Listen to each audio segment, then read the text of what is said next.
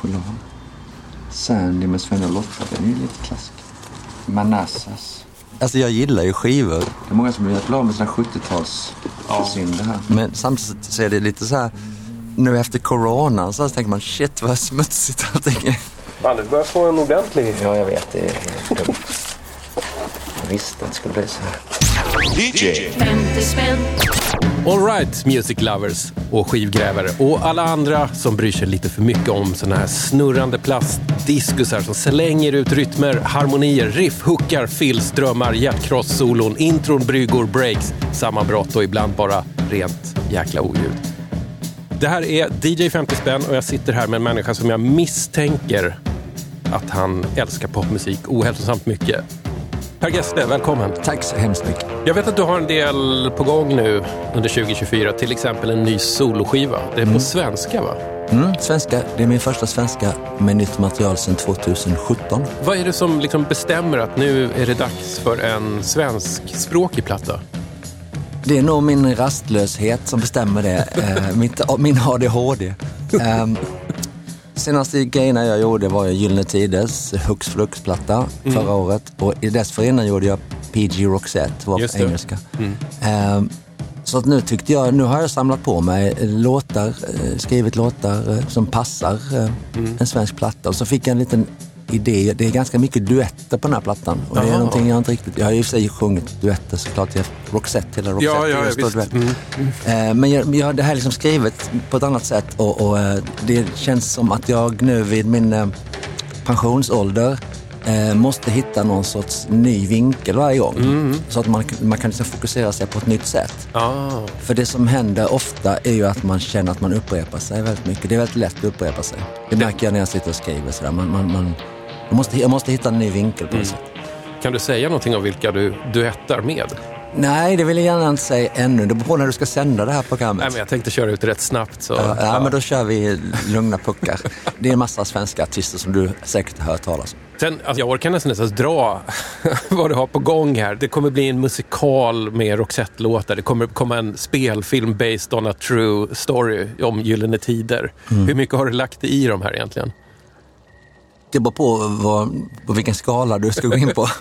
Nej, men man kan väl säga så att allting görs med mitt goda minne. Så att det, det, det är ju, när det gäller Gyllene-filmen så har ju alla vi i Gyllene tyckt till om, till att börja med, att det ska bli en film och baserat på. Så det, det är ganska ovanligt att man gör en film baserat på ett band som faktiskt fortfarande finns. Jag kan, jag kan påminna om att Beatles gjorde filmen när de fanns.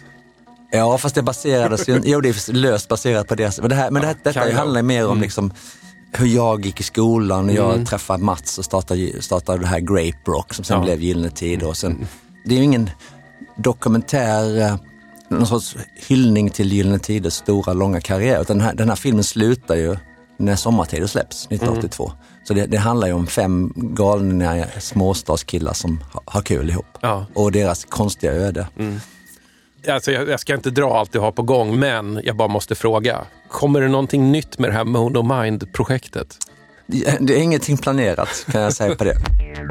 Det hela Monomind, det är en platta, den kom ju ut 2019 men den börjades ju och pillas på redan 2013. Så det, det, det var ett långt projekt. Och, och från början var det ganska hemligt. Ja, det var hemligt. Grejen var så att jag, jag pratade innan om att jag, att jag måste ha en ny vinkel på varje projekt jag gör. Och vinkeln med Monomind var ju att göra modern popmusik men jag var så jävligt trött på min röst. Så jag kände bara att jag, jag, jag begränsar mig. Det är därför jag älskar att jobba med andra sångare och sångerskor. För att de kan, ju, de kan ju göra mina låtar så mycket bättre. Ja. Och jag kände mig så himla begränsad av min röst så att då, då skapade vi den här fejkade rösten då.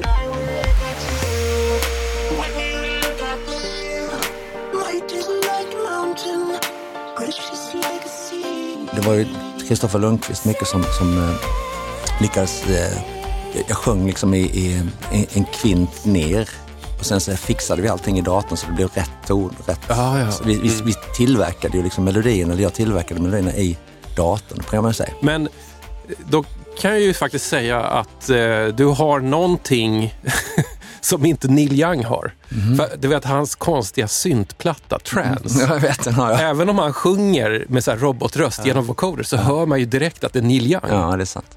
Nej, men det här var, det här var idén. Jag skapade liksom ett fejkband med fyra eh, namn och fyra karaktärer. Det var ju tecknade figurer liksom. Lite gorillas. Ja. Så här. Fast lite än, ännu mer att varje figur fick en, en, en biografi och sådär. Så, Och den här singeln eh, Save Me A Place som eh, Dr. Robot då, som jag kallade mig själv, eh, sjunger tillsammans med eh, Eh, vad, kan man, vad hette hon då, tjejen som sjöng i Ja, Monomite? Jag förlåt. hemskt att man glömt det. Jag skyller på att det var fiktiva popstjärnor. Den hamnade ju faktiskt eh, på etta på danslistan i USA i sex veckor. Så det var, var fantastiskt. Drar man in och stålar på ett sånt projekt då? Ja, Sex veckor på danslistan? Nej, det, det blir ju lite, det blir ganska mycket radiospelningar på just de kanalerna då. Men det, är en, det är en stor skillnad på att hamna på, på en danslista än att hamna på Hot 100. kan Man säger. Vi försökte ju, alltså vi, vi pikade ju, jag tror vi var precis bu- bubbling under att komma in på Hot 100 Ah, okej. när du låg etta på danslistan. Ja, ja. Vi, Men nästa gång? ja, vi får se. Ja, jag kanske kommer in på sådana här frågor senare i programmet. Men Per, du har ju fått det här klassiska DJ 50 spänn-uppdraget att gräva fram fem begagnade skivor och man får inte spräcka budgettaket på en 50-lapp. Vi gick ju till rebackarna på Nostalgipalatset. Hur rädd var du för att hitta dig själv där? Ja, det, det, det har ju faktiskt hänt att man har varit i begagnade skivbutiker och sett sina gamla Gyllene Tider-plattor. Eh, men eh, nej, det var inte så farligt. Jag är inte så rädd för sånt. Däremot så var jag ganska rädd för att, eller rädd, jag var ju tveksam om man, om man verkligen hittar plattor som man, man eh, har relation till. Men det, det, jag hittade ju faktiskt ganska mycket skivor, mer än jag trodde, som, jag, som jag tyckte om. Jag vill minnas att jag sa till dig, det, du ska ha fem skivor och sen gick du till kassan med liksom en bunt som kanske var så här 15-20 Ja, ja, centimeter hög. Ja, jag vet. Jag hittar mycket som helst. Det, det som är intressant tycker jag med, med den här, din idé till detta programmet, det är just att om man, man går in i en skivbutik, vilken som helst, och letar efter plattor så kommer du ju ut med grejer som du gillar, men kanske inte de plattorna som du hade spelat eller valt om du hade bett mig välja fem favoritlåtar. Nej, precis. Så det blir liksom en annan vinkel på allting. Det här är en parentes, men en av anledningarna till att jag kör den här idén är att jag har märkt att vissa människor, ganska många faktiskt, får total ångest av att lista sina fem favoritlåtar. Jag, lärt, jag får ju den frågan ofta eh, i olika sammanhang. Vilka är dina favoritplattor och vilka, vilka plattor betyder mest? Bla, bla, bla. Och jag har bestämt mig för att jag bara svarar på det eh, efter dagsform. Det som, just, det som poppar upp i skallen just nu. Eh, så eh, jag, i, I morse när jag vaknade, den första låten jag hörde var I'm crying med Animals. Så den hade jag sagt var min favoritlåt just idag. Det är normalt sett kanske den inte ens hade dykt upp i minnet. Nu ska jag försöka hålla det här lite Gessle-mässigt här, så vi ska inte ha för långt intro. Även om det känns som att vi redan har någon slags Emerson, Lake and Palmer-intro. Men skitsamma, vi ska försöka komma till refrängen hyfsat snabbt här. Ska vi lägga på första singeln? Ja, den här är en singel som jag hade, hade redan eh, i min singelsamling och eh, det är ju en eh, fantastisk eh, låt som eh, lät magiskt när den kom och låter fortfarande som en jättehit tycker jag. Vad hette han som gjorde det här? Han heter Robin Scott. Robin Det är ingen så här superkändis alls.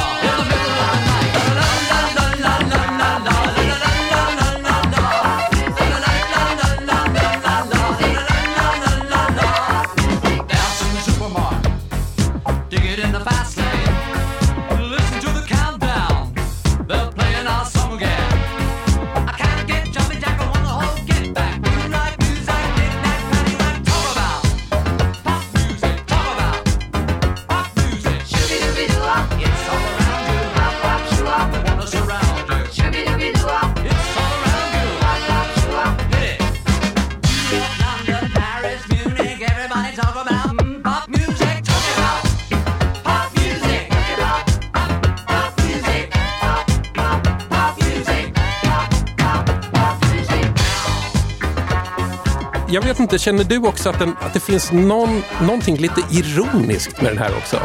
att de, det är lite så här ett snett leende. Mm, ja, ja, det känns som att han har gjort detta med, med sarkasm. Det som Ja. är härligt med den här produktionen tycker jag är att den, den svänger så otroligt mycket och mycket av den här syntmusiken som gjordes i slutet på 70-talet Ja, är det väldigt- mer- det är mer stå stilla. Ja, liksom. precis. Men det här, den här har liksom ett jättehärligt dansgroove. Det här är alltså Pop Music med M från 1979. Va, vad känner du när du lyssnar på den här? Jag tycker det är fantastisk popmusik och det, det här är liksom eh, det jag älskar mest med popmusik är ju romantiken kring popmusiken som jag jag man är uppvuxen med. Men får du det av den här låten också? Ja, den här tillhör den, det universumet liksom. Så absolut, därför det här är så suveränt. Ja, nu, nu så här detaljlyssnade på den här, då, då kunde jag nästan höra att det här är någon slags manifest. Han sjunger, eller pratsjunger någonting så här, everybody made it, infiltrate it, activate it. Han tycker att man bara ska ta popmusiken och infiltrera den på något sätt. Kanske var det han gjorde. Ja, kanske det. Eller dem. Jag vet, jag vet så lite om bandet M. Ja, men det är ju lite så som det var på 60 och 70-talet, att popmusiken hade liksom en position i vårt samhälle på något sätt som inte den har idag. Upplever jag det som i alla fall. Det kan ju bero på ålders... Men det, det känns som att på 60-talet när, när Beatles och allt det här hände, så hörde liksom popmusiken mode, film, teater, tidningar, böcker, tv, korta kjolar, Ja, långt hår på Ja. killar. Alltså allting hörde liksom ihop i någon sorts tonårsrevolution, eller vad man ska kalla det för, som, som speglade vår tid på ett annat sätt. Popmusiken speglar ju alltid sin egen tid. Det är liksom därför det heter popmusik. Ja, just det. Om man tänker sig 1979, då, var, var är vi då någonstans? Jo, då, är vi, då har punken hänt och nästan kommit och gått på något sätt. Eh, och diskon har hänt och det, 70-talet var ju en, en pyttipanna av massa med musikstilar som blev stora. Och den här är allt som det inte är på något sätt. Ja, samtidigt som att det är en hyllning till alltihop. Vad tror du det var som gjorde att du blev så oerhört hooked på popmusik själv? Jag tror, det, jag tror att det var något så tragiskt som att jag tyckte att popmusik och det här popuniversumet hade allting som jag inte hade i verkligheten. jag var en, en lite så här överviktig nörd med glasögon och eh, levde lite på, e, på ytterkanten av eh, samhället på något sätt. Eller inte av samhället, men av, av allting i skolan och sånt. Så att jag, jag ägnade ju all min vakna tid som jag kunde till att sitta i hörlurar och lyssna på mm. Umma Gumma med Pink Floyd och, och eh, Men det, det är ju rätt Los flum- Bravos. Ja, ja. Umma Gumma, är där, du hade ju kunnat åka rakt ner i flum, flummarmusikhålet ja, men jag, också. ja, men jag är ganska, det, när, jag, när jag jobbar med Kristoffer Lundqvist och eh, Clarence Överman som intensivas, de är ju proggrockare, alltså de älskar ju Yes och Gentle Giant och allt sånt där. Men jag, jag förstår det, för jag, jag lyssnade på Bark the James Harvest och jag lyssnade på Moody Blues jag lyssnade på, eh, du nämnde Emerson Lake and Palmer innan. Ja, jag älskade Trilogy-plattan. Liksom. Så jag, det är inte konstigt för mig och det kan du faktiskt höra också i min musik. Jag, jag har ju ganska mycket eh, på gott och ont. Jag har ganska mycket olika teman. Även om det är popmusik så kanske det, det, hela låten slutar med ett helt nytt tema. Koden kanske blir ett helt nytt litet tema. Så jag gillar ju det här med modulationer och att det, är, att det händer någonting nytt hela tiden. Lite pro- progressivt mitt i allt. På ålderns höst har jag ju dock krympt ner mina, om du tittar på tidigare grejer jag gjorde så var det i många låtar som är 4.30 och 4.50. Mm. Billy över fem minuter till exempel. Ja, men det, det är ju en lång berättelse. Den ska Ja. ju ha... Den ska ha behöva lite tid, Mm. men, men nu för tiden så är, är, krim- klipper jag ju ner grejer. Alltså jag, jag spelar ofta in längre Mm. och sen klipper jag ner det när jag, när jag börjar jobba med det i, i produktionsläge, alltså lägger på instrument och grejer. Mm. Eh, Så det har ändrat sig. Brukar det inte vara tvärtom annars? Att man blir längre låtar. Ja, ju, alltså, så här, du, du blir äldre och håller på med musik och sen det här, det här jazz, det ska Ja. in. Och så blir låtarna helt plötsligt sju, åtta minuter långa. Ja, men det kanske blir nästa steg för mig. Per Gessles Frias Ja. Den skulle jag vilja titta på. Ska vi vara lite folkbildare? Mm. Bandet M, eller personen M är ju lite mystisk. Mm. Har du någon susning? Nej, vi, Robin Scott. Ja. Och Mm. han gick på konstskola tillsammans med Malcolm McLaren i slutet på 60-talet. Shit. Han blev erbjuden att vara med om att starta den här butiken, Sex. Aha. Men han sa, nej jag har annat för mig. Sen höll han på med lite så folkrock, han producerade lite pubrock med rb stuk Rugalator. Ja. Mm. Du känner till dem kanske? Jag, jag har aldrig hört dem faktiskt. Sen jobbade han för skivbolaget Barclay i Paris. Franskt. Och 1979 på något sätt så fick han ihop den här låten med eh, lite gästmusiker. Och av någon anledning så bara blev det en så här Englandshit. Ja, med all rätt. Och sen försvann han ganska snabbt för han, han drog till Kenya och Tanzania och började spela in med ett band som heter Shikisha, eller möjligtvis Jive Shikisha. Mycket märkligt. Ja. Mm. Men jag är väldigt tacksam att den finns för att jag, jag både älskar och fruktar den här låten. Mm. Anledningen till att jag fruktar den är att jag får väldigt lätt såna här öronmaskar. Mm, Brukar du få det? Ja. Låtar som bara fastnar. Och nu när vi hört den här så, så kommer den förmodligen sitta fasthäftad i, i huvudet i veckor. Men det kommer fler låtar som kommer att radera bort den. När man gör ett musikprogram så tycker jag att det ska svänga ordentligt mellan årtal, genrer och kanske även coolhetsnivå. Det har blivit dags för Det är gäddar i det snusegung i hela ordenshusen när Sofia spräcker kjolen i en go-go. Det är klös i klarinetten när hon svänger med kvintetten. Folk blir vilda när Sofia dansar go-go. Varje karl blir yr och lysten, det är böljegång i bysten. Hela salen brakar loss och skriker mera. Och hon kan försäljningstricken där hon dansar framför micken och musiken kommer loss med ett helvetes vrål. Det är bara glada dagar, det är inte någon som klagar när Sofia dansar go-go. Är hela salen med? Ingen mening med att fria under veckan drar Sofia hem till fyra barn och man utanför Kumla. Hon ska laga mat och duka och ta vara på sin sjuka man är hammat ut med grabbarna och rumla. Pysslar om och laga maten, det är alltid fullt på faten, det är bara att gå lös på isterbanden. Hon får sno och gno och städa ifrån måndag och till fredag men en lördag middag kommer är det stopp. Då får familjen tugga rester, hon ska ut med sin orkester och på lördag, söndag ska de spela upp. Så det är gäddar i det snusegung i hela ordenshusen när Sofia spräcker kjolen i en go-go. Alla tycker hon är läcker när hon vickar på sin häcker alla vilda och Sofia dansar go-go. Varje karl blir yr och lysten, det är böljegång i bysten. Hela salen brakar loss och skriker mera. Höften får den rätta darren när det rungar i gitarren och musiken kommer loss med ett helvetes vrål. Det är bara glada dagar, det är inte någon som klagar när Sofia dansar go-go. Hela salen med.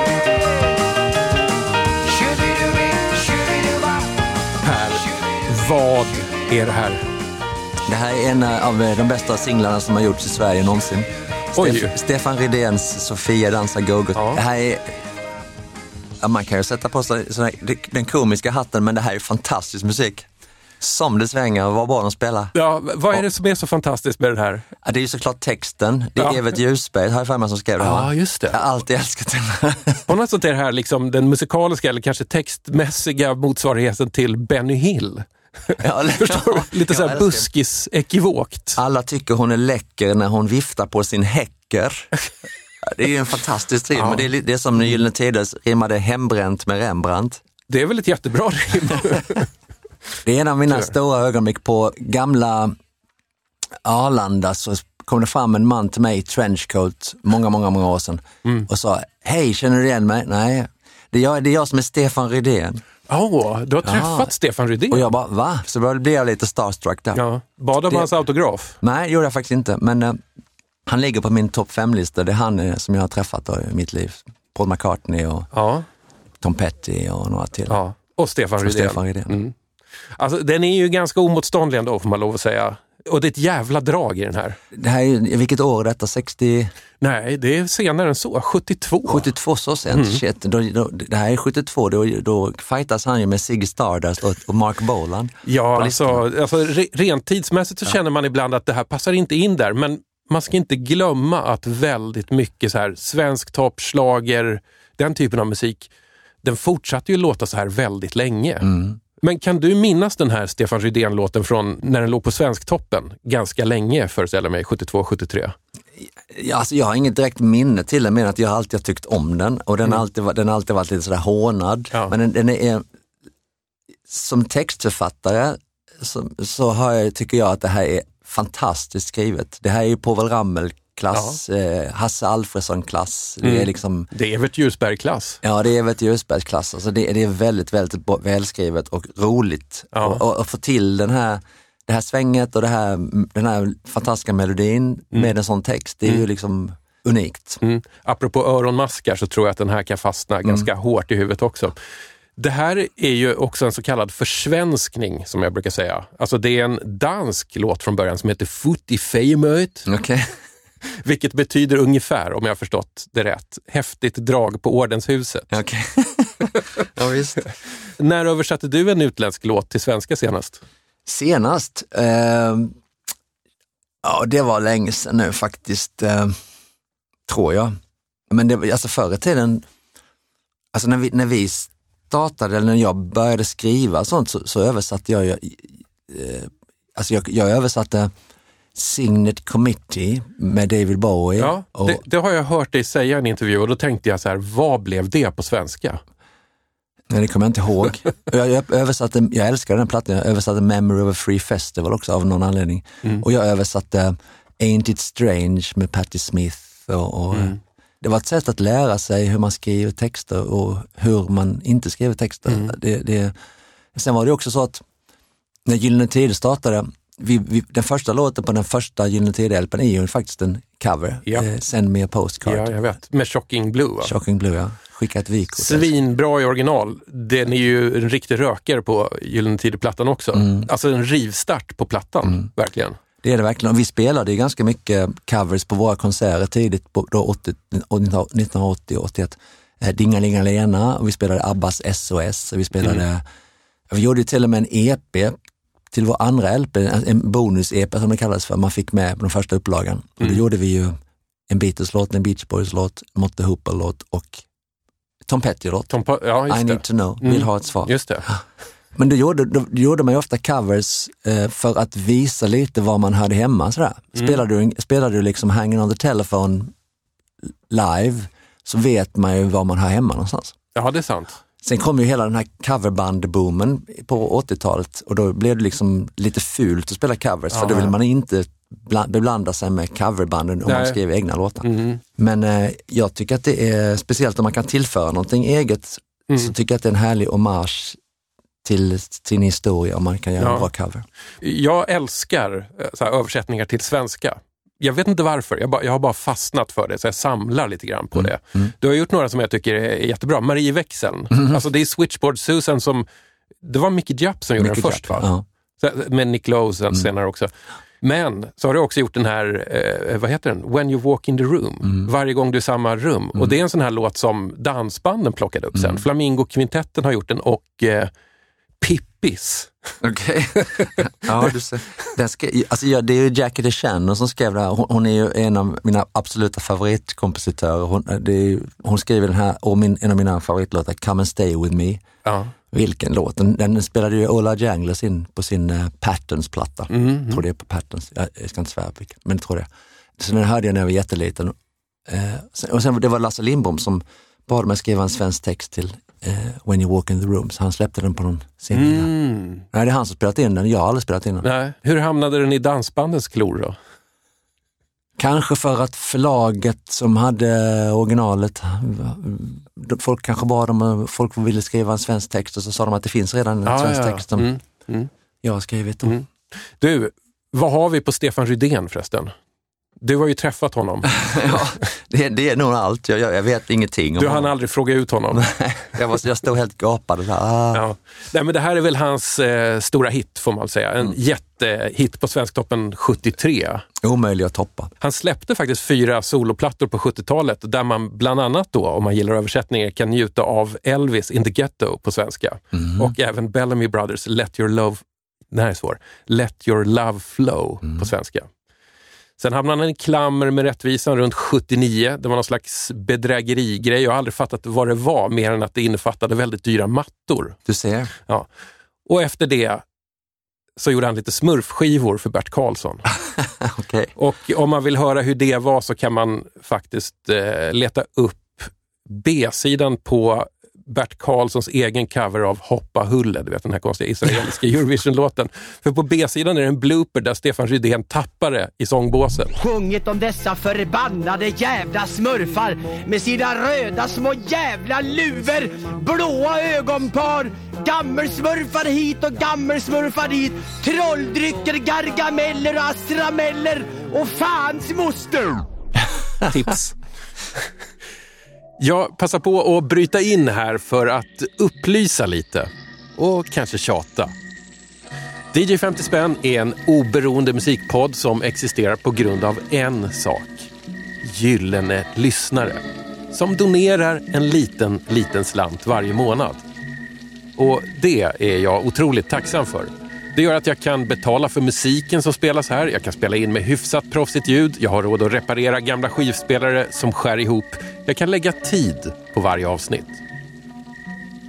Så utan er som sponsrar så skulle den här podden inte kunna existera. Om du lyssnar nu och känner att du vill stötta DJ 50 spänn, leta då upp min sida på patreon.com och bli medlem. Nu fortsätter vi. Jaha, hörru, från en ytterlighet till en annan tänkte jag. Ja, nu, nu blev det ju, det är någon som dumpade sina 80-talsgrejer där va? Ja. Det, så det är ju också någon sorts, eh, åt, nej det är 87, 88. Nej, det här är mycket tidigare. Det här är 1980. Det är ändå så tidigt. så du ser. Mm. Ja, ska vi ge den här en chans? Ja, jag vill då.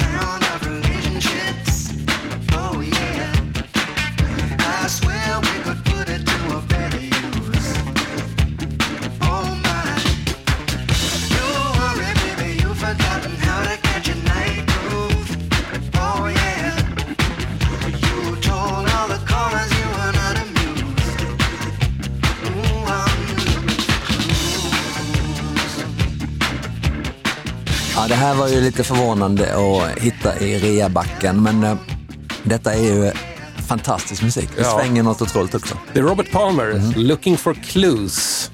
Det här singeln Mm. från LPn som bara heter Clues.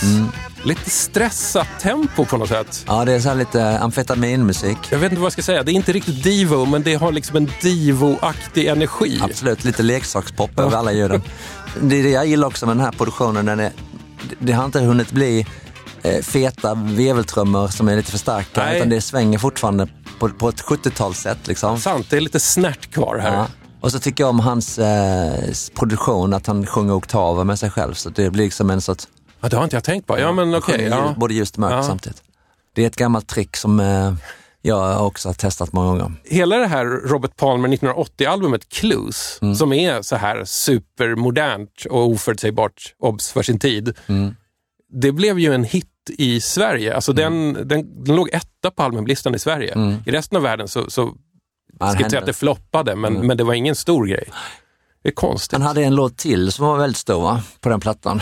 Kan det vara den här, vad heter den, Johnny and Susanne? Johnny and Mary. Johnny and Mary, Ja, just den det. också bra. Ja. Jag kommer ihåg att han var med i ett band som heter Vinegar Joe med Elkie Brooks eh, på eh, 70-talet. Mm. Och så lämnade han det så gjorde han en soloplatta och eh, det här var, lät lite så som någonting man inte hade hört förut. Och det, ibland blev ju låt, låtar hits på grund av att deras produktion var så mycket så speciell. Och Ja. det, här, det här är en sån, sån låt. Ja. Den, hoppar ut. Det är inte liksom världens bästa komposition men det är ett jävligt häftigt Det är något sound. nytt. Liksom. Ja. Mm. Här har de ju till och med slagit till med ett så här vibrafonsolo eller vad det Ja, är. men det är galenskap. Jag har långt efter att de här skivorna kom förstått vilken fritänkande eh, kompositör och artist som Robert Palmer var vid den här Mm, tiden. Han gör det han känner för. Han hänger mycket i Västindien på Bahamas. Mm. Tydligen så bodde han tvärs över gatan från Compass Point Studios. Alltså, praktiskt. Blev polare med Gary Newman precis runt den här skivan. Så Gary Newman är med på två låtar på Ah, den. okej. Eh, och det är svårt att tänka sig eh, att två popstjärnor som är mer olika varandra. Gary Newman som är liksom lite mörk och robotaktig och lite ångestfylld. Och så har vi Robert Palmer som är någon slags playboy, får man känslan av. Mm. I kostym. Ja, liksom. han är ju, vet jag när jag har lyssnat på Clues, han är väldigt inne på att hela tiden krydda med någon slags karibiskt. Det kommer lite steel pans och xylofoner och reggae grooves och så vidare. Han jobbade väl, ligger väl på, eh, eller låg väl på Island Records dessutom. Mm, Chris Mm. Blackwell. Ja. Vem är Robert Palmer för dig? Ja, det är ju egentligen inget, jag, jag hade aldrig plockat upp den här om inte jag hade hittat den i backen. Men, eh, men eh, jag kommer ihåg den här låten, jag kommer ihåg den här produktionen, att den var väldigt häftig. Det här är ju, det är ju 80, det är ju samma år som Ashes to Ashes och, och eh, Scary Monsters-plattan kom. Och det är ju också en övergången till 80-talets mm, lite mer Har du träffat honom någon gång? Jag har träffat honom en gång in på en tv-show i Tyskland han, när han efteråt, när han var väldigt intoxicated, får man säga så? Ja, ja. Men eh, bara som hastigast. ja. Du är aldrig- ingen du har liksom hängt med i Nej. Bahamas? Alltså man, vi gjorde ju alla de här stora tv-showerna, eh, Peters Pop Show och allt sånt Ja, där. ja, Man springer ju på Mm. allt från Phil Collins till, Mm. till eh, ja, Prince. Eh, men man känner ju inte dem, eller jag känner inte dem. Man, man har träffat dem. Ja. En, nick i green room typ, eller vad blir det? Ja, eller något litet snack om kul, vilken grym låt och så. Ja. Ja. tack så mycket. Här, du vet, så. Vad är det märkligaste tv-showsammanhang du har varit med i? Det, det konstigaste jag varit med om, det var nog när vi gjorde The Look i en tysk tv-show som hette Formula 1. Okej. Eh, Då hade de släpat in några jätter i bakgrunden som stod där bak. Och precis när jag gjorde, jag, det, vi, hade, vi gjorde ju The Look typ så tre gånger om dagen i tv-program hela Ja, tiden. ja. Så man hade liksom si- sina moves, vissa ställen så snurrade jag runt, gjorde någon grej med min gitarr, jag skulle göra en tuff, tuff, sexy move liksom. Ja. Och precis när jag gör det då så vänder jag mig och då står den här geten och pruttar lite elegant på Jag vet inte om det kom med i själva tv-sändningen men det var liksom så här, jaha, så ska man ju fortsätta köra Ja, ja. Mm. Det var lite udda faktiskt. Men eh, nej, vi har gjort mycket konstigt faktiskt. Ja. Nej, vi, för- vi, gjorde, vi gjorde, oh shit, jag kom precis på, vi gjorde en, en eh, tv-show show med um, Status Quo, de gjorde In the Army Now Ah, och vi gjorde Neverending Love, tror jag, eller möjligen I Call Your Name, det var innan vi hade slått igenom, så det här var någon med liten tv-program i någonstans. Och de var så sura för att de tyckte att det var, ingen tog dem på allvar riktigt. Rick Parfitt, han var jättesur. Han hade en tuff plunta i sin bakficka under tiden han spelade med en sån här spritplunta. Så. S- Ska vi ta en till 80-talare? Mm. För jag såg här nu, nu bläddrar jag här bland singlarna. Den, den var jag lite förvånad över att hitta i reabacken. Jag var överhuvudtaget förvånad över att den existerade hos någon. För det var ingen jättehit, men den var, den var en hit i Halmstad på 80-talet. I alla fall i mitt lilla rum.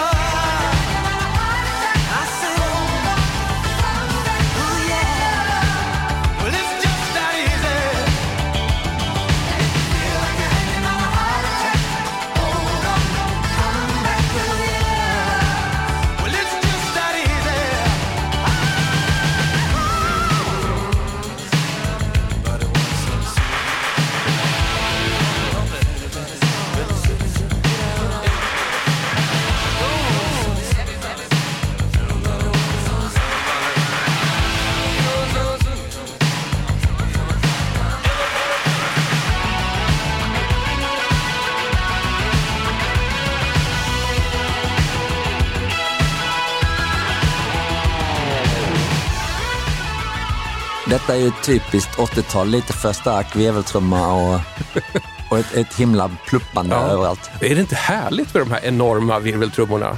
Jag älskar eh, den här stilen på popmusik där man har en sån där jättestark vers som det här är.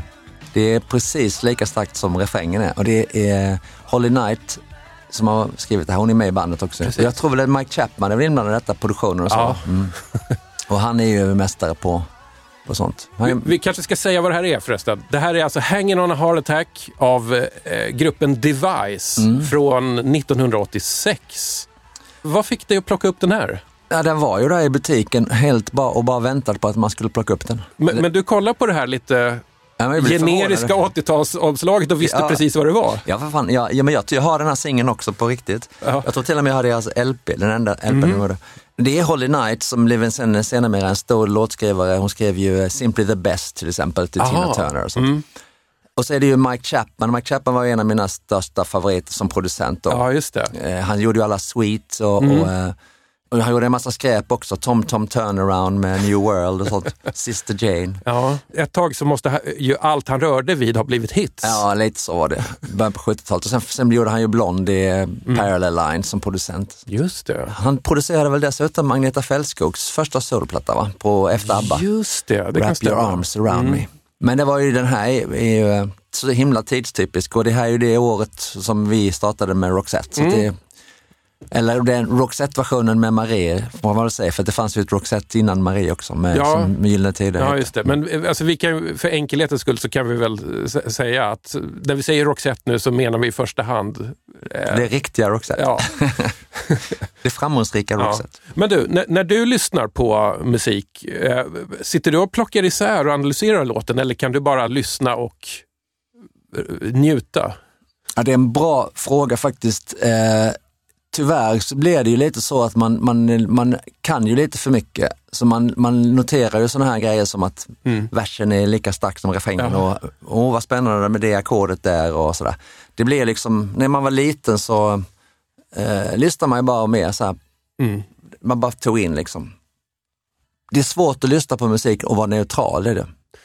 Alltså den här Device-låten ge- ger mig alltså riktigt, riktigt djupa flashbacks till 1986. För jag, jag är ganska säker på att jag inte har hört den här sedan dess. Den gick lite grann på radio då. Jag gick i åttan, fightades mot akne.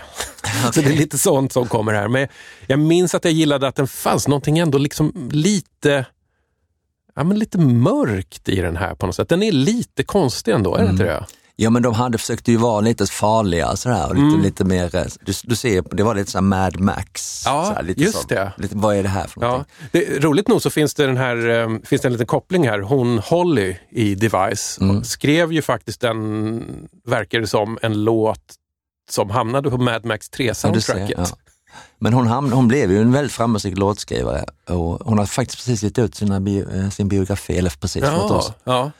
Som jag har kommit en liten bit in i, förord av Tina Turner såklart eftersom det var Simply the Best Mm. som var hennes sto- stora låt.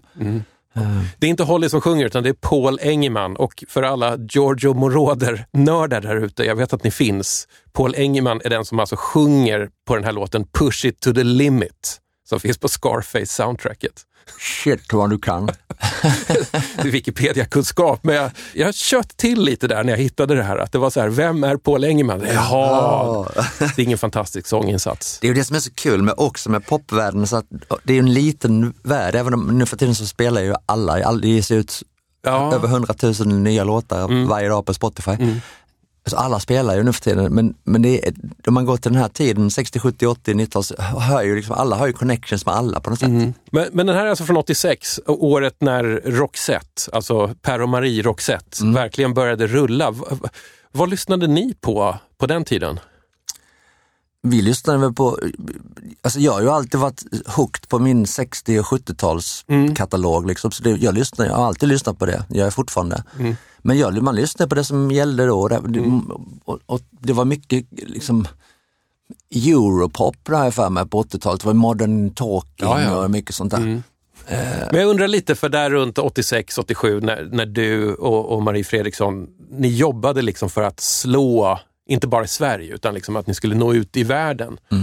Det måste ju ha funnits andra artister och så här hitlåtar som ni tänkte så här, varför breakar de där och inte vi? Nej, det, så tänk, alltså, du har ju delvis rätt, men alltså, till att börja med så var det så att vår, vår ambition var ju såklart att bli ett internationellt band, men vi, vi var ju också väldigt medvetna om att vi var från Sverige och oddsen var inte på vår sida. Så vi, vi, det, det var lite så att när vi, när vi fick börja göra lokal-tv i Holland och eh, lokal-tv i Tyskland så var vi ganska så här tacksamma för det. Alltså för vi, det, var, vi, det var liksom unheard of att, att, man, att vi skulle kunna göra det. Det var ju något, någonting vi inte hade klarat av tidigare. Eller? Nej. Så att vi, det första landet som, som vi slog igenom i var ju faktiskt USA. Ja. Och det var ju helt eh, vansinnigt. Ja. Nä, nästan så att ni skippar Europa, det går direkt Ja, på alltså, USA. vi försökte med Europa men de, det var, jag menar It must have been love skrev jag ju, släppte som jullåt Ja, 87. För tyskarna. För tyskarna och de ville ju inte ens släppa den. nej. Eh, För de gillar inte den, eh, skivbolaget då. Så att, jag menar, allting var ju emot oss och, och, och sen, men sen så hände det ju 80, januari 89. Då, när Ja, just det. Men jag tänker just runt 86 så började det ändå hända lite saker. Jag tänker på att eh, Europe helt plötsligt Mm. ändå började få någon slags, vad heter det, kritisk massa även utomlands.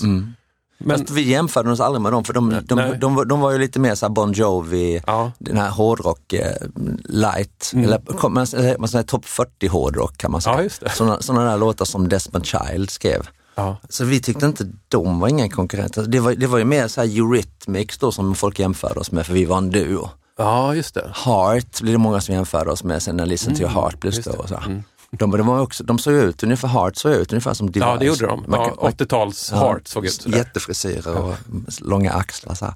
Ja. Vi försökte ju på vårt sätt med vår budget att, att skapa en, en, någonting unikt och eget. Mm. Och sannolikheten att det skulle lyckas då internationellt var ju väldigt liten, så det var ju, det var ju mycket tur. Och att vi hade, jag kommer ihåg när vi spel, om vi då flytt- flyttade något år senare, när vi, när vi spelade in Look Sharp-albumet. Mm. Jag hade ganska lång tid på mig att skriva det för Marie gjorde en svensk soloplatta under tiden. Och jag tyckte det blev så fantastiskt den här produktionen. Det var ju mycket tillfälligheter det också. Vi, började jobba med syntar på ett annat sätt. Mm. Jag vet att jag sa till Marie att om vi lyckas med någon låt från den här plattan så kommer vi ha väldigt många uppföljare. Ja. För att det var väldigt, en väldigt stark platta, en, väldigt jämnstark platta. Liksom. Det, var inte, det var inte som den här låten som vi lyssnade på, Ha- Hanging on the Heart som var egentligen var den enda riktigt bra låten på Ja, den jag, jag har aldrig hört någonting annat på Nej. Device faktiskt, om jag ska vara ärlig. Och, det, men det, och det, vi hade ju tur, Den- när The Look hände så hade vi ju Dress for Success, vi hade Ja. Dangerous, vi hade Så Listen ni to your kunde heart. mata på helt Ja. enkelt. Och vi hade Paint som är en, ett albumspår ifrån uh, Look Sharp, det blev en jättehit i Brasilien. Ja. Som albumspår, alltså de, de, den är, var lika stor som Dangerous. Liksom. Så att vi, det fanns mycket att ta på. Så vi hade, man säger, vi hade eh, kapaciteten, men vi måste ju, någon måste ju sätta in foten i dörrspringan. Liksom. Och det, hur gör man det ifrån Stockholm? Nej, jag vet inte. Det, Nej, då, visste då inte. var det väl jättekonstigt. Och vi hade liksom inga, ingen budget, inga, inga dyra videos, för det var ju en video, videoexplosion just då också. Apropå Roxette, nu för tiden finns ju PG Roxette som är ett band eller projekt som liksom finns till för att föra Roxette-arvet vidare. Mm. Men funderade du aldrig på om ni skulle skapa sådana här avatarer eller liksom hologram av er själva istället? Alltså jag, det är mest att jag, jag, jag ville göra en platta i den Roxette-andan. Och, så jag skapade det här PG Roxette. Men nej, Avatar, det, är inget, det får bli sen efter min död. Okej. Skriver man in det så här? Alltså att det I finns... testamentet. Nej, men jag tänker så här, finns det så här avatarrättigheter att beakta nu för tiden? Det är en bra fråga. Ja, Jag får- jag, jag kanske måste fråga så här, Björn och Benny om Ja, det. du får kanske. fråga, de har säkert koll på det. I alla fall Björn. Ja. Hörru Per, eh, det går ganska snabbt när Mm. man eh, ska spela igenom fem singlar här från rehabackarna. Vi har bara en kvar. Det tillhör poppens eh, idé att det ska gå fort. Ja, men också Kort- att det upplöser känslan av tid och rum. Ja, exakt. Så är det. Ja, den här. Den här älskade jag när den kom ut. Tidig topp. Vilket år är detta? 70? Du, jag måste fan kolla.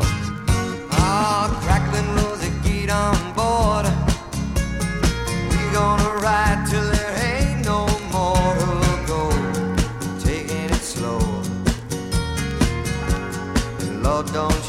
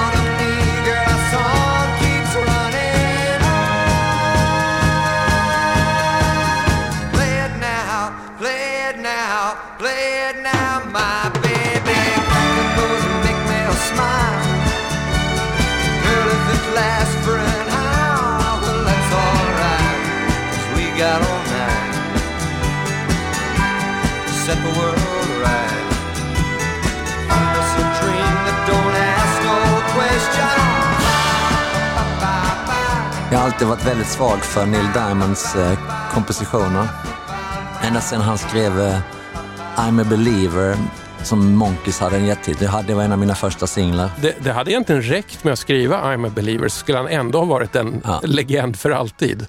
Solitary Man, vilken Ja. låt. Fantastisk låt. Och det här. Ja, men, det här är Neil Diamond med Cracklin' Rosie. Den är från 1970, tror jag. Det står ingenting på etiketten.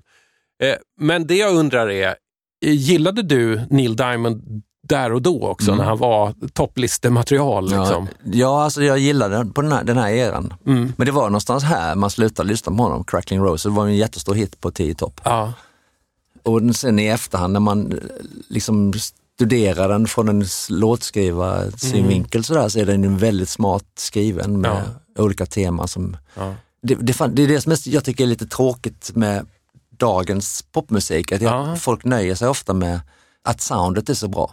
Mm. Och så skriver de en, en, en använder samma ackord ofta och sen så höjer man melodin i refrängen till samma ackord som man hade i versen. Det är ju klassiskt. Mm. Men så var det inte på den här tiden. Här, här, här var det liksom en jättebra vers och sen kom en brygga och sen kom det kanske en liten pre-chorus och sen Ja, kom en chorus, kanske en liten svans på refrängen. Mamma Mia till exempel är ett jättebra exempel på den, den typ, den stilen av, det finns Ja, ju liksom fem Mm. delar som är, alla är jättehookiga. Mm. Det här är också en, ett sånt exempel. Ja. Men alltså, just med det här med låtskriveriet så verkar det som att det har hänt otroligt mycket. Jag bara tänker på under den tiden som du själv hållit på att göra låtar. Mm. Vad är liksom det största som du har sett hända när det gäller det? det stora som har hänt är ju såklart det är ju den tekniska utvecklingen. För att det, det är ju hur du kan editera och jobba i studion. Det, det, är bara att gå tillbaka till när vi spelade in Listen to your heart, det spelades in 1988. Mm. Det var en ganska komplex, den enda, enda låten på Roxettes Look Sharp-platta som har ett riktigt band. Allting annat var ju programmerat. Ja, ja. Men den, den här är ju ett organiskt med ett riktigt band. Och det, vi hade liksom inga fler kanaler så att vi, Clarence spelade keyboards till Listen to your heart när vi mixade den. Så att det som han spelar, det ligger på mixen men det finns inte inspelat. Jaha, För vi hade inga fler kanaler. ja, ja. Eh, Ni nådde max. Vi nådde max plus en, eller två rätt sagt, Ja, ja. Mm. Det, så det är ju det som har hänt nu, att nu det finns liksom inga begränsningar tekniskt längre och du kan ju editera och klippa och kopiera och autotuna och göra vad du vill. Liksom. Mm. Men jag tänker på det här också att nu verkar det vara så otroligt många som sitter och jobbar på en och samma låt. Mm. Det kanske inte är helt nytt. Det verkar ju ändå ha funnits låtskrivarfabriker tidigt, men man kan se det lite grann bara av att titta på Mm. så här, mellan låtarna i Melodifestivalen så ser man alla de här tre, fyra, fem, sex, sju, åtta, nio personerna som har skrivit en Melodifestivalen-låt. Ja, men det är ju just för att den digitala tekniken tillåter det. Du kan ju skicka grejer till varandra på ett Ja. annat sätt. Så det sitter någon och gör, Mm. eh, programmerar kanske ja, Ja. perca- percussion eller någonting. Ja. Jag har ju alltid sk- försökt skriva låtar på egen hand för att jag gillar inte kompromissa, men det betyder ju inte att jag spelar alla instrumenten själv. Nej, nej. Utan det betyder ju att jag plockar in folk som kan utveckla min idé så bra. Ja. Så att jag, och, och, och ibland, jag har ju försökt välja människor som, och musiker som, är, som alltid är mycket, mycket bättre än vad jag är. Och det är, det, de är lättare att hitta. men, men, det, Men är du verkligen så dålig på att, Ja, spela? Jag, jag, jag är inte dålig på att spela, men jag, jag är dålig på att spela på det sättet som jag hör i huvudet. Ja, alltså, det klarar jag inte Mm. av riktigt. Mm. Så att jag, jag behöver folk eh, som kan det och eh, som gör låtarna så som jag vill att de ska bli. Mm. Och det, det är samma sak, det var, det var egentligen den grundläggande idén med att starta Roxette med Marie. Det var ju att, att jag ville hitta någon som kunde sjunga mina låtar bättre än jag själv. För Mm. jag, jag är ju begränsad som sångare såklart. Och det, det, så hela idén med Roxette, nä, nästan alla låtar som jag skrev i Roxette skrevs ju till Marie för att Marie skulle sjunga dem, inklusive The Look. Som Ja. hette He's got the look från början. Mm. För att hon skulle sjunga men hon ville inte för hon tyckte inte det var hennes stil. Liksom. Det Nej, var nej. det inte. Och då blev det Cheese Got the Look. Exakt. Mm. Och så, så sjöng jag den istället. Men det är lite så jag har jobbat, så att jag, jag tycker det är, är svårt att lämna ifrån mig grejer så här till att någon annan ska börja skriva ett, kanske ett Ja. annat parti. Så här. Det har hänt. Ja. Jag jobbar ju med andra människor också, men det, jag tappar lite intresset då. Ja, men jag, jag förstår, alltså, man är olika där, men jag har bara noterat det här. Och jag vet att det knäppaste jag hört är det här med att man ska ha väldigt många som skriver på en och samma låt. Det var en sån här låtskrivarfabrik på 00-talet i England tror jag. Okej. Kan den heta Tsinomania eller någonting sånt där? Jag minns inte vad den här gurun här, men han hade som idé då att man skulle ta in väldigt många som skulle få väldigt snäva uppdrag inom låten. Att skriva, du ska skriva en, hook här, vi behöver, ett, liksom, eh, vi behöver fyra toner i början här som väcker intresse. Och han pytsade ut de här uppdragen till flera låtskrivare som inte hade någon kommunikation med varandra. Så samlade han in det och sen sitter han och pusslar ihop det. Och flera av de här blev hittar. Jag tror att hon Tove Lo, du vet, hon jobbade där lite ett tag tror jag. Ja. Och, Fast det, detta, Ja. det du pratar om, det är en, en, det är en annan typ av låtskriveri. Ja. det, vi, vi pratade lite om tidigare det här med eh, att vara personlig i sin musik och så vidare. Det, det, den biten försvinner ju helt och hållet då. Och jag, om jag till exempel nu som min, min nya svenska platta som då är, som alltid när jag jobbar på svenskan, att det är, texterna har en väldigt stor position i låten. Om jag skulle lämna bort det här till åtta andra människor så, så kan de alltså då tolka min text och sånt där. Alltså det, det blir en helt annan typ av grej, det funkar inte. Ja, Utan du måste, du, vad, vad du pratar om egentligen är ju liksom att en sorts popfabrik, nu ska vi skriva, hi- försöka skriva hits. Ja. Liksom. men jag, jag tror att det här resulterade i mycket så låtar som typ Girls Aloud och liknande gjorde. Så där. Och de funkade säkert superbra. Mm. Men, det, men det som är kul tycker jag med, med eh, pophits som är skrivna av, av oftast artisten själv, det är ju att det blir, eh, även när tiden har gått, så blir det ju eh, väldigt eget. Går du till exempel till tidiga Brian Adams-låtar Ja. så låter de ju väldigt speciella idag. För att det, det är ju han och Jim Vallen som har skrivit det. Ja, det. Och det, jag kommer ihåg när, vi, när Roxette slog igenom så var de på oss direkt att visst, ni måste flytta till London eller till LA eller New York och jobba med amerikanska musiker. Så, sa, så sa vi då, eller jag sa då att nej det vill vi inte för att då, kom, då kommer vi låta som Richard Marx. Ja. För, att, för att då låter vi LA, vi ska inte låta LA, vi ska låta Sverige. Mm. För, för har vi väl slått igenom så är det ju det som gör oss unika, att vi inte låter som Richard Nej. Marx eller Hart eller något annat, vi låter som Roxette. Ja. Men det var väl skönt att få rätt sen? Ja, jo, det var fantastiskt och det är samma sak med Gyllene. Gy- Tar du bort en person ur Gyllene så låter det inte Gyllene längre. Och när jag spelar Gyllene Tidlåtar med mitt solband så ibland har jag skrattat till lite för det låter som ett Gyllene Tider coverband. för även om de kanske är ännu bättre mus musikanter så kan de inte riktigt spela den typen av Nej. musik. Ja, för vi spelar musik från Halmstad Ja, tillsammans. Liksom. Det, det är jätteintressant det där men jag är inte sådär superattraherad av den här eh, eh, låtskrivarteam-idén. För, för att det blir effektivt men det blir väldigt opersonligt. Mm. Apropå Neil Diamond som vi lyssnade på nyss, så ska jag bara säga en sak. att Jag förstod inte Neil Diamond förrän jag fick grått skägg. Men då trillade polletten ner. Så bara, Ah. Fan vad bra det här är. Det känns som att det kanske är samma sak som, vi var inne på country tidigare. Mm. Att är man för ung så kanske mycket av den musiken går över huvudet på. Ja, det tror jag. Det kan vara. Sen är det också att Neil Diamond i USA är ju väldigt, väldigt stor. Mm. Har alltid varit stor eh, och inte alls brytt sig om eh, någon annan marknad än USA. Det gör att när åren har gått, så nu när Johnny Cash gjorde Solitary Man så blir det en ny generation som lyssnar Ja, på honom. Och den här Urge Overkill i Pulp Fiction. Mm, just det. eh, när de kör Girl You'll Be a Ja. Woman Soon. Så att de låtarna har blivit valda är ju just för att det, det är då de amerikanska produktionerna har, har de har Neil Diamond i sitt bagage Ja. automatiskt. Det är som de har Billy Joel på ett annat sätt än vad vi har här i Europa. Ja, just det. Precis. Vi, vi såna- kanske inte riktigt fattar honom. Nej, jag fattar inte Billy Joel alls. När jag lyssnar på Piano Man och de här så tycker jag bara att ja, jo, men Elton gjorde det mycket bättre. Ja. Liksom. och det finns andra som... Ja. Eh, Neil Diamond sålde sin låtkatalog för förra året. Jag kunde inte hitta en siffra på det. Mm. Har du fått sådana anbud på, får vi köpa dina låtar? Mm, det har jag fått flera gånger. Vad säger du då? Eh, att vi får, ni får vänta tio år till. Okej. Eh, jag är ju, jag vet inte vad, det är nog min personlighet. Så jag, jag, jag har ju haft turen att hamna i en position där jag, där jag äger alla mina låtar. Allt som jag Ja. skrivit hela mitt liv. Ja, men det måste ju vara värt så otroligt mycket. För att, eh, min dotter lyssnar ju nu på Taylor Swift. Mm. Det är väldigt viktigt att vi lyssnar på Taylors version. Du vet. Ja, såklart. Ja. Men jag, jag tycker mest att det är, jag vet att det är värt en massa pengar men det, det är också värt, eller framförallt värt, känslan av att det är mina bebisar. Mm. Och jag bestämmer över dem om det ska vara, gå med i reklam eller i film eller i Mm. Netflix-serie eller vad det nu är för någonting. Eh, jag har sista ordet där så jag, jag är inte riktigt redo eh, eller i behov av den här monetära belöning då som det här är värt. Varför har så många sålt sina kataloger nyss? För att det här har ju varit, alltså senaste åren så har det kommit sådana här nyheter nästan hela tiden. Jag tror att det är många olika skäl såklart och det, det är många olika saker som säljs också. Ofta så tänker man att, att det är han, Bruce Springsteen har sålt sin låtkatalog. Vad betyder det egentligen? Ja. Är det, är det, har han sålt rättigheterna till sina låtar eller har han sålt sina inspelningar eller vad är det han har sålt för någonting?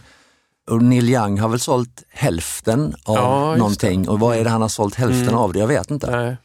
Jag tror att eh, många som säljer eh, ju, har ju kommit åren Mm. och kanske då vill eh, dela upp de här pengarna på alla sina 18 ungar Ja, på, innan de dör så det slipper bli en massa bråk. Ja. Det kan väl finnas sådana skäl. Mm. Och sen kanske det finns också de som, eh, som jag kan tänka mig eh, dra sig, vill dra sig tillbaka. Sagt, Mm. Paul Simon verkar ju vilja dra sig tillbaka och han eh, har ju sålt sin katalog också. Mm. Dylan drar ju inte sig tillbaka. Nej, nej. Jag tror att han kommer fortsätta 50 år till. Det är lätt. Och sen är det många som inte har, det ska man inte glömma också att många stora artister äger inte sina rättigheter. Nej, det är sant.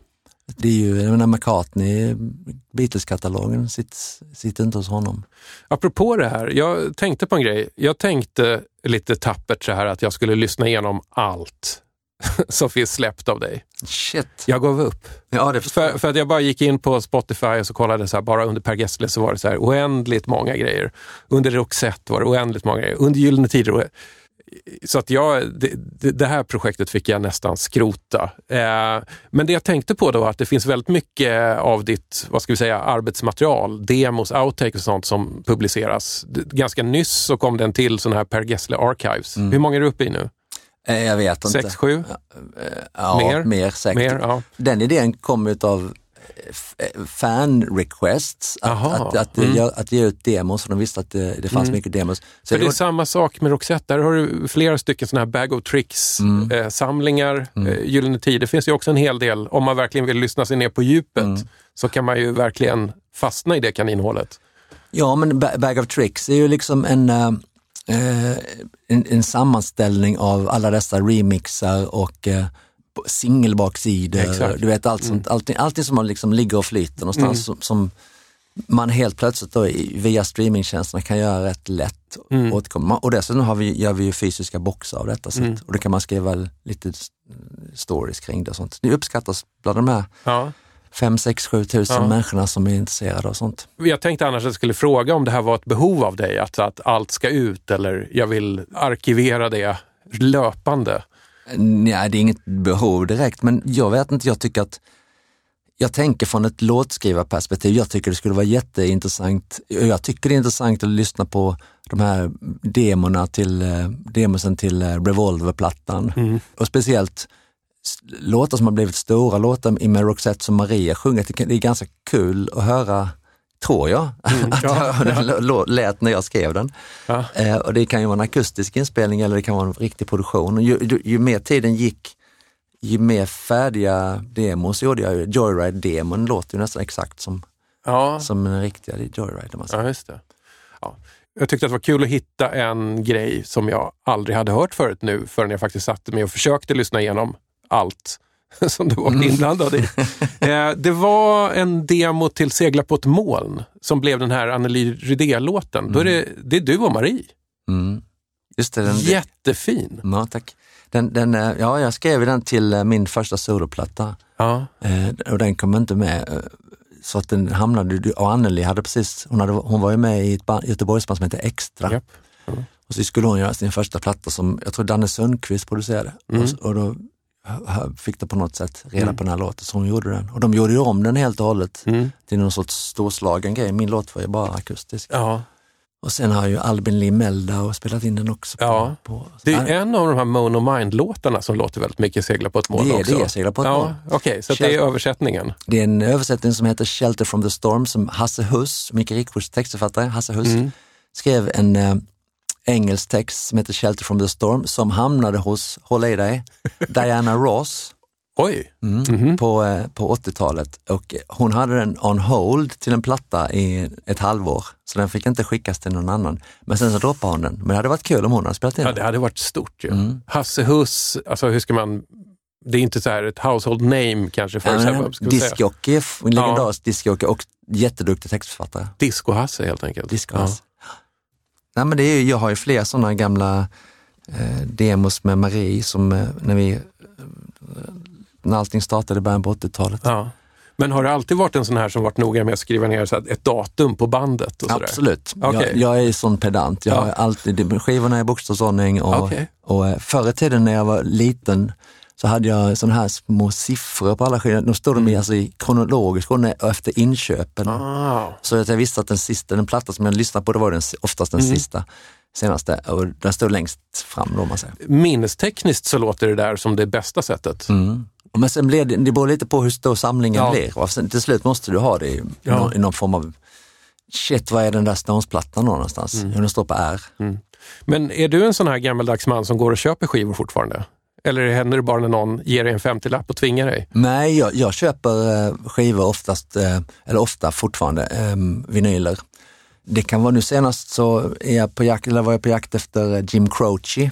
Ja, Jag har oftast hjälp av en kille som rotar reda på det här åt mig på nätet och sånt. ja, ja. ja. Och jag- jag gillar ju som sagt, vi pratade om det innan också, jag gillar skivomslagen och jag, Mm. jag vill jättegärna det, det kan hända att jag sätter mig framför min stereoanläggning, om jag ska kalla det för nu, och lyssnar Mm. på Katie Lang från Spotify, ja. men har skivomslaget i handen och kollar att läser texterna, så som man gjorde förr. Det är en vacker bild.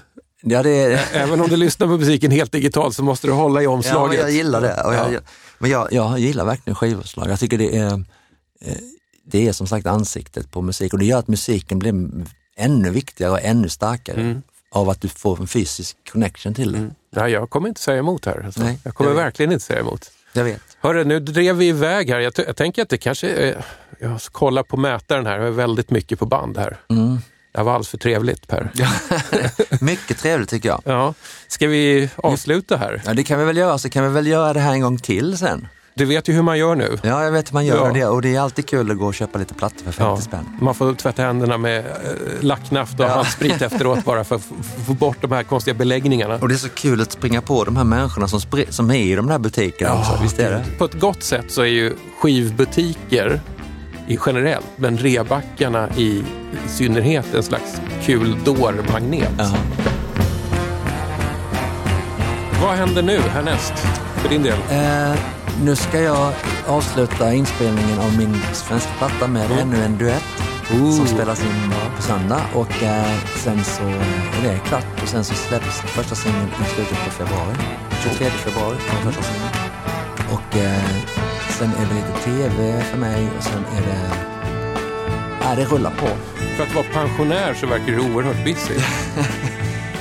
Jag, alltså, jag upplever inte mig själv som busy men jag, jag har ju, det är ju fullt, fullt ös. Ja, Men jag älskar det. ja nej men det, du, du gör ju helt rätt. Vad skulle du göra annars? annars? Nej, jag menar det. Och Annars hade du fastnat där framför stereon med Ja. Katie Lang-omslaget i handen och inte gjort något annat. Sen i sommar är det ju en, en sommar där jag inte turnerar. Jaha. Kommer du sitta där och trumma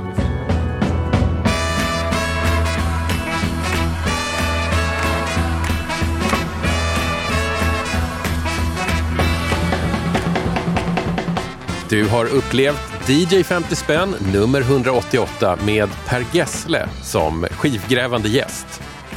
Det här är en musikpodd som spelas in, produceras, programleds, klipps, mixas och mastras av mig, Tommy Jönsson. Om du vill och om du kan, stötta gärna DJ 50 spänn på patreon.com. I nästa avsnitt så kan det faktiskt bli så att du kommer att höra ännu en hallänning. Vi får se. Var är det här omslaget till Son of a Plumber Man? In, var är det plåtat? Eh, Son of a Plumber är plåtat i London i en eh, begagnad eller en skivbutik. Som Okej. Jag kommer inte ihåg vad den hette. Den eh, Mm. var Anton Corbin som plåtade. Och, och, ehm, vi gick tillbaka dit några år sedan men då var den nedlagd. Eh, Vad är det för skiva du kollar på då? vet du vad, jag, jag har varit där två gånger efteråt. Först, först gjorde vi plåtningen och sen så gick jag dit något år senare och köpte den skivan jag höll. Det var nämligen en Tom Petty bootleg.